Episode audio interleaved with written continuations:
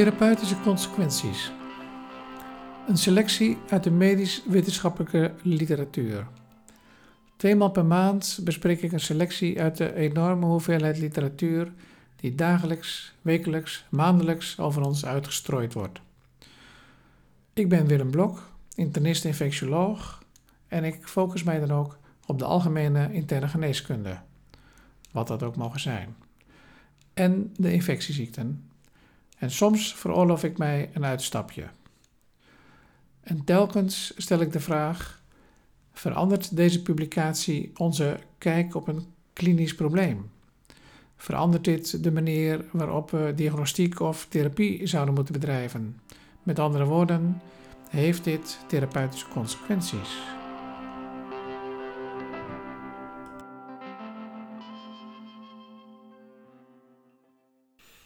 Therapeutische consequenties van 15 oktober 2019.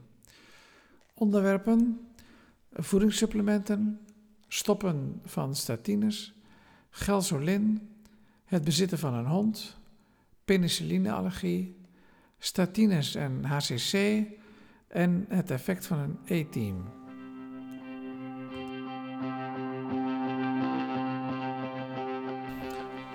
Heeft het zin om voedingssupplementen te gebruiken? Ontzettend veel mensen slikken allerlei voedingssupplementen in de overtuiging dat dat goed is voor hun gezondheid. Bovendien zijn er nogal wat artsen die supplementen van harte aanbevelen. En vandaag de dag is het moeilijk om een 70-plusser te vinden die geen calcium vitamine D-preparaat slikt. Kennelijk zijn we er met z'n allen van overtuigd dat dit de gezondheid ten goede komt. In de Annals of Internal Medicine verscheen een systematische review waarin de auteurs 24 verschillende voedingssupplementen en diëten bekeken hebben op harde eindpunten: totale mortaliteit, cardiovasculaire mortaliteit, myocardinfarct, CVA en coronaria lijden. In hun analyse hebben ze uitsluitend RCT's meegenomen, in totaal 277, met in totaal 992.129 deelnemers. Grote getallen. De kwaliteit van de originele onderzoeken was over het algemeen laag. En dus is de mate van bewijs die ze vonden niet hoog. De meeste supplementen, vitamine A, vitamine B-complex, B6, B2, vitamine C, selenium, multivitamine, ijzer, antioxidanten, en de meeste dieetinterventies, vetbeperking, mediterraan dieet, omega-6 en omega-3, hadden geen enkel effect op de uitkomstparameters. Uitzonderingen zijn verminderde zoutintake bij normotensieven, dat geeft een geringe afname van de all-cause mortaliteit. En bij hypertensieve patiënten geeft het een afname van de cardiovasculaire mortaliteit. Verder lijkt er een zeer gering effect van omega-3, dus uh, visolie, op het optreden van myocardinfarct en coronaria lijden te zijn. Maar de auteurs vonden hierbij ook veel aanwijzingen voor publicatie-bias. En opmerkelijk, calcium met vitamine D lijkt een significante toename van het risico op een CVA te geven. En let op, er zijn uitsluitend RCT's bekeken, dus de verbanden die gevonden worden zijn, of schoon van matige kwaliteit, wel kausaal van karakter. Tja, een enorm grote studie en opvallend toch weer hoe matig de kwaliteit is van supplement- en dieetonderzoek. Waarschijnlijk omdat de regelgeving voor geneesmiddelenonderzoek veel strenger is. Dat is overigens wel veranderd na het debakel met de probiotica bij de pancreatitis studie in Rotterdam. Sindsdien zijn ook deze regels aangescherpt. Dat weet iedereen die recent een GCP-cursus gedaan heeft, zoals ik. Dat een reductie van zoutinname gunstig is, dat verbaast me niet echt. En uit eerdere, maar toch recente papers was al duidelijk dat vitamine D-suppletie geen invloed heeft op allerlei uitkomstparameters, zelfs niet op fractuurrisico. En nu lijkt de combinatie van calcium, calcium en vitamine D zelfs schadelijk. Therapeutische consequenties We kunnen met een gerust hart de Calcitute D3 stoppen bij al die kwetsbare ouderen. En dat scheelt toch maar mooi weer een pilletje.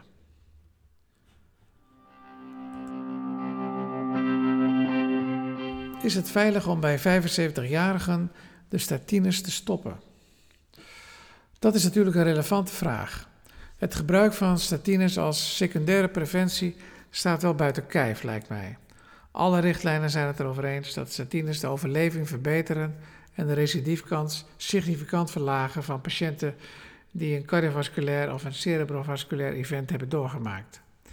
Maar veel minder evidence is er voor statines als primaire preventie. En met name bij ouderen is dat wel een lastig onderwerp.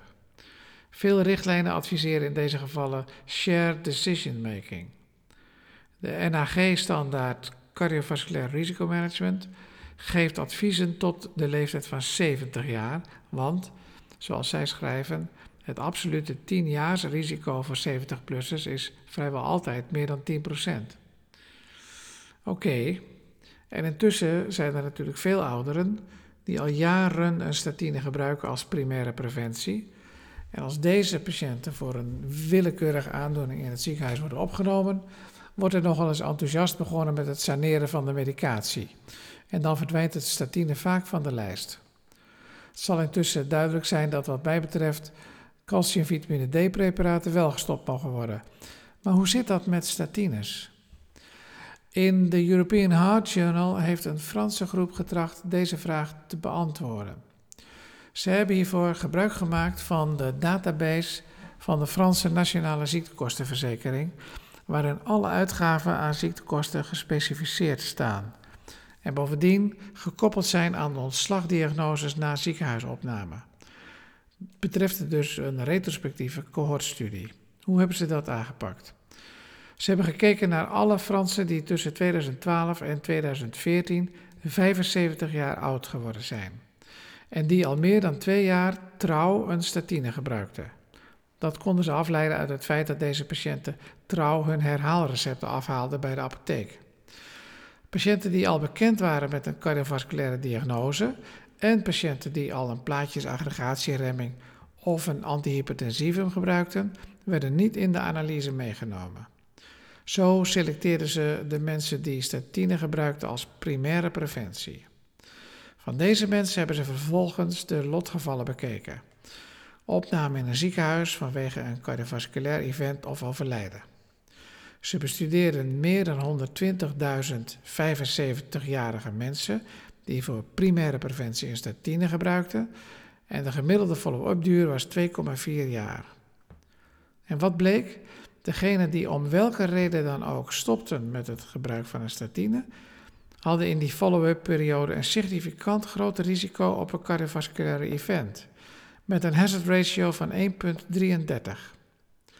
Het lastige van zo'n observationeel onderzoek is natuurlijk dat veel gegevens ontbreken. De mate van kwetsbaarheid, socio-economische factoren, lifestyle-factoren zoals roken, etc. Met andere woorden, er zijn veel potentiële confounders. auteurs pleiten dan ook voor een RCT. Dat lijkt me een lastige, maar wel nuttige exercitie in deze patiëntengroep. Therapeutische consequenties? Mwah. Misschien toch maar niet klakkeloos statines stoppen bij alle 75-plussers, maar dat altijd goed onderbouwd doen. En als er geen evidente contra-indicaties of majeure comorbiditeit is, gewoon doorgaan.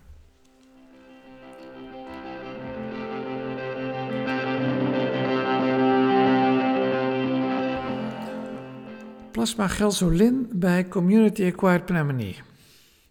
In het kader van waar heeft u nog nooit van gehoord? Plasma gelsolin. In uh, Clinical Infectious Diseases een stuk waarbij men, waarin men uh, de plasma gelsolin concentratie gecorreleerd heeft aan klinische uitkomstparameters bij CAP. Wat is gelsolin?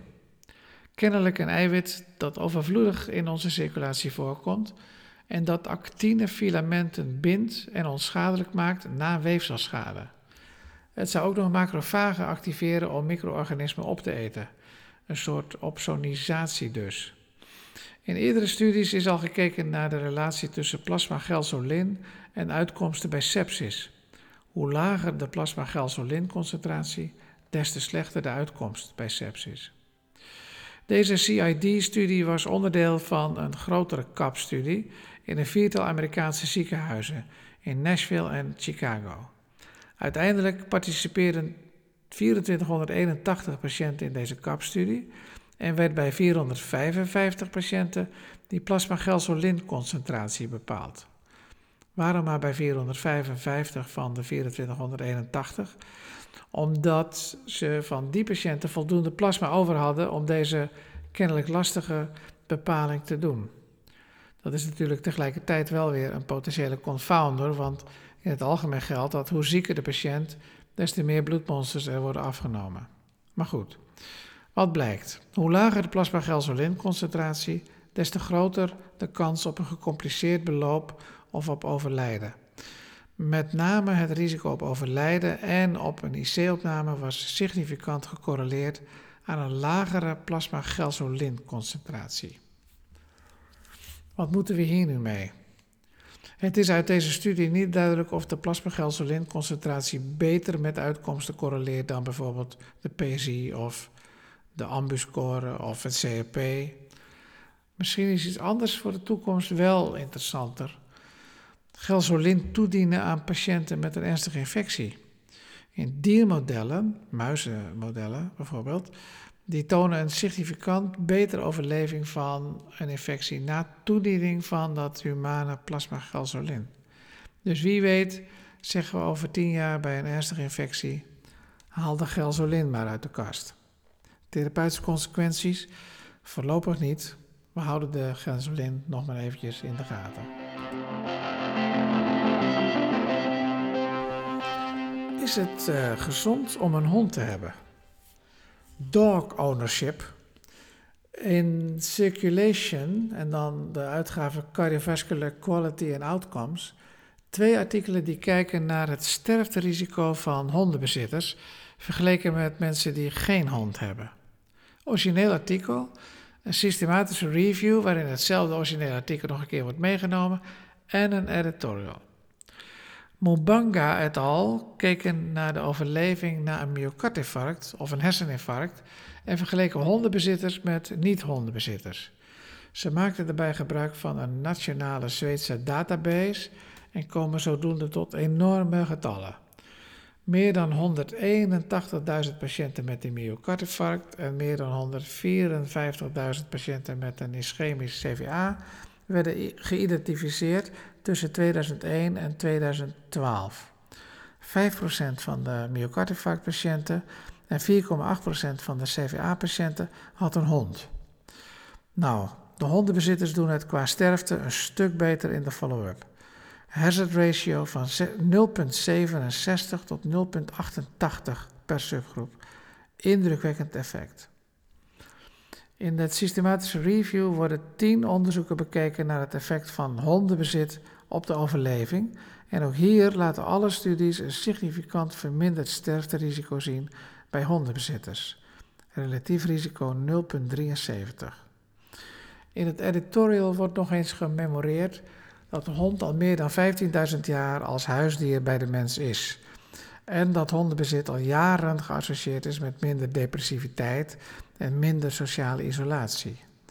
Dat zijn ongetwijfeld ook factoren die bijdragen aan een betere overleving. De schrijver vraagt zich af of dat nu alleen maar associatie of ook causaliteit inhoudt. In de Zweedse studie is zoveel mogelijk geprobeerd te corrigeren voor confounders, maar dat lukt natuurlijk niet helemaal. Misschien zijn hondenbezitters wel minder vaak rokers, zijn ze welvarender, etc. Niemand neigt, niettemin neigt de, de schrijver toch wel naar een zekere mate van causaliteit. Therapeutische consequenties. Je kunt natuurlijk als arts deze gegevens delen met je patiënt. Maar een voorwaarde voor de gunstige uitwerking van het hondenbezit lijkt me toch wel dat je wel van honden moet houden. En als honden alleen maar op je zenuwen werken, dan lijkt mij de gezondheidswinst niet heel. Zowel voor het baasje als voor de hond.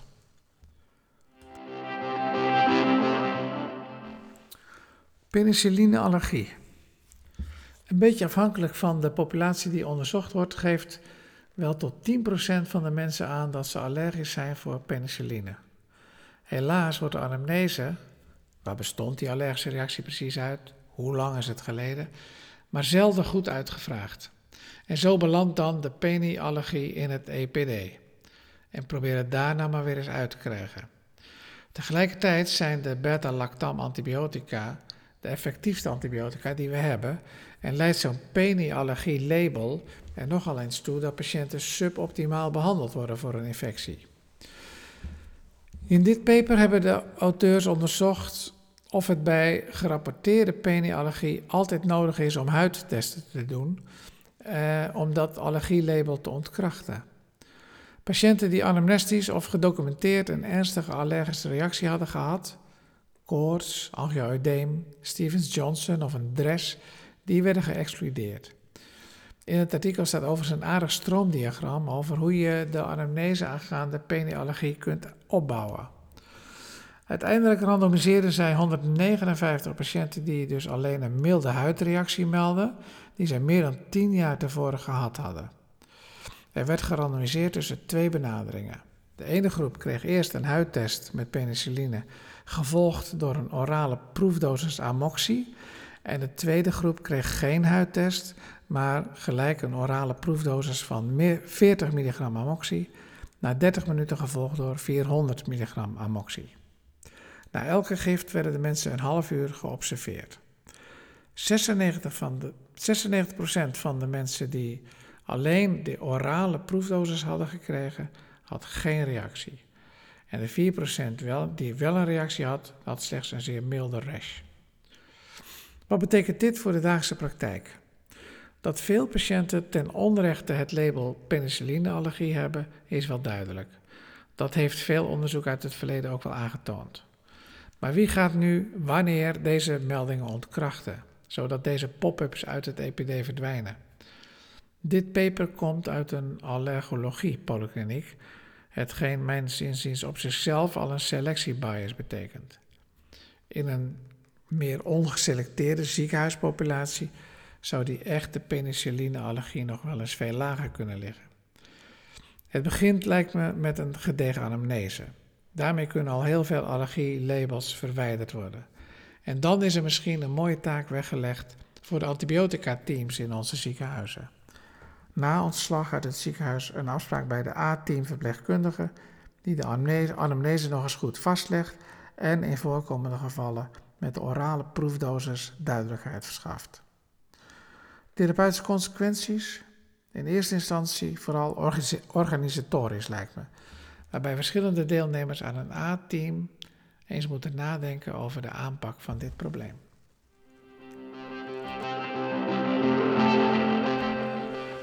Statines en het optreden van hepatocellulair carcinoom bij chronische virale hepatitis.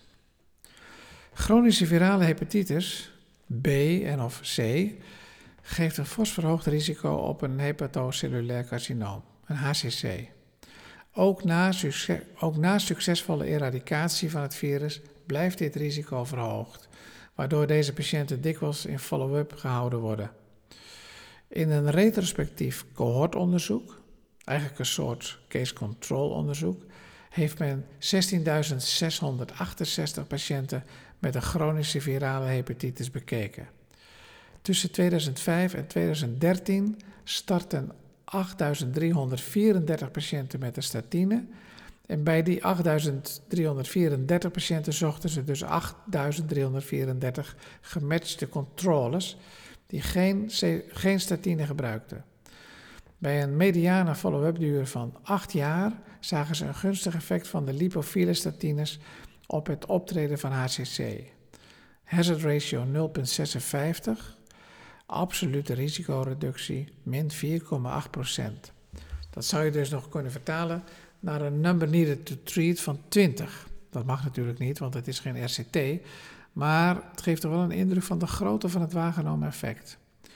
Lipofiele statines zijn dus atorvastatine en simvastatine.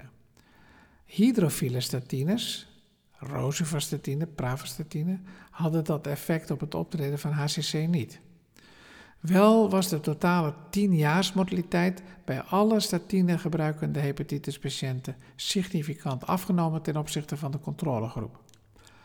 Voor de lipofiele statines was de hazard ratio voor de totale mortaliteit 0,62 en voor de hydrofiele statines was dat 0,88. Al met al behoorlijk indrukwekkende effecten.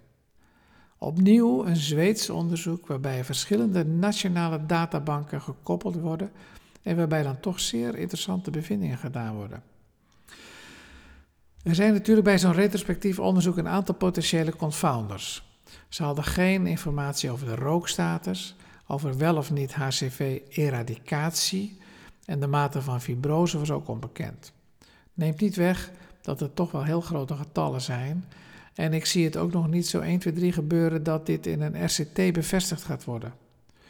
De auteurs maken overigens geen woord vuil aan een mogelijke verklaring voor het geobserveerde gunstige effect van lipo lipofiele statines op het optreden van HCC. Dat zal ik dus ook maar niet doen. Therapeutische consequenties. Ik zou bij twijfel laagdrempelig een statine starten bij deze groep. En dan met een duidelijke voorkeur voor een lipofiel statine. Ook bij patiënten die een succesvolle eradicatietherapie achter de rug hebben. En laten we hopen dat die RCT er ooit nog een keertje komt.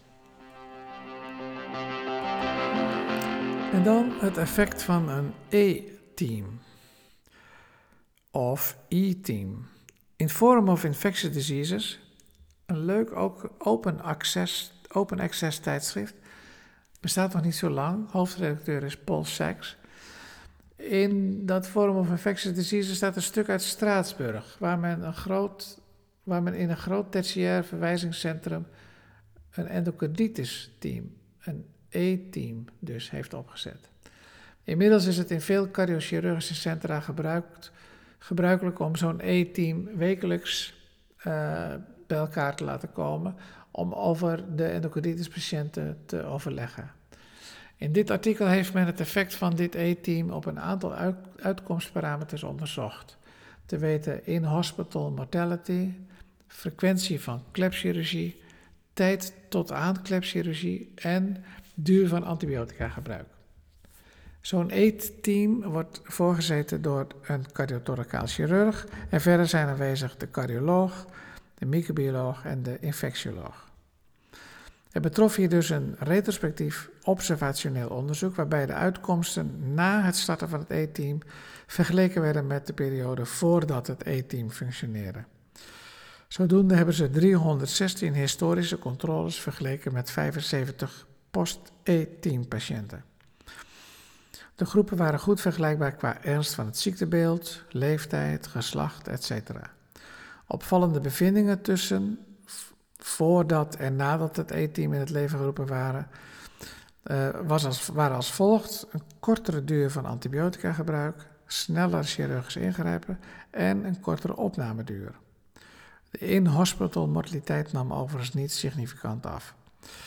Het is natuurlijk altijd een beetje tricky om met historische controles te werken en causaliteit valt in zo'n onderzoek natuurlijk niet aan te tonen. Niettemin lijkt het erop dat het hebben van zo'n E-team de uitkomsten voor endocarditispatiënten wel degelijk verbetert. En dat is voor een infectieziekte met nog altijd een mortaliteit van 15 à 20 procent niet onbelangrijk. Ook wij hebben in ons ziekenhuis inmiddels een, naast een A-team ook een E-team. En los van de ongetwijfeld gunstige effecten voor de kwaliteit van de patiëntenzorg, is het voor de deelnemers ook nog eens een buitengewoon leerzame en bevredigende vergadering. Therapeutische consequenties. Elk cardiotoracaal centrum een E-team. Dit was een kleine greep uit de literatuur. Voor referenties ga naar www.therapeutischeconsequenties.nl. Tot de volgende keer.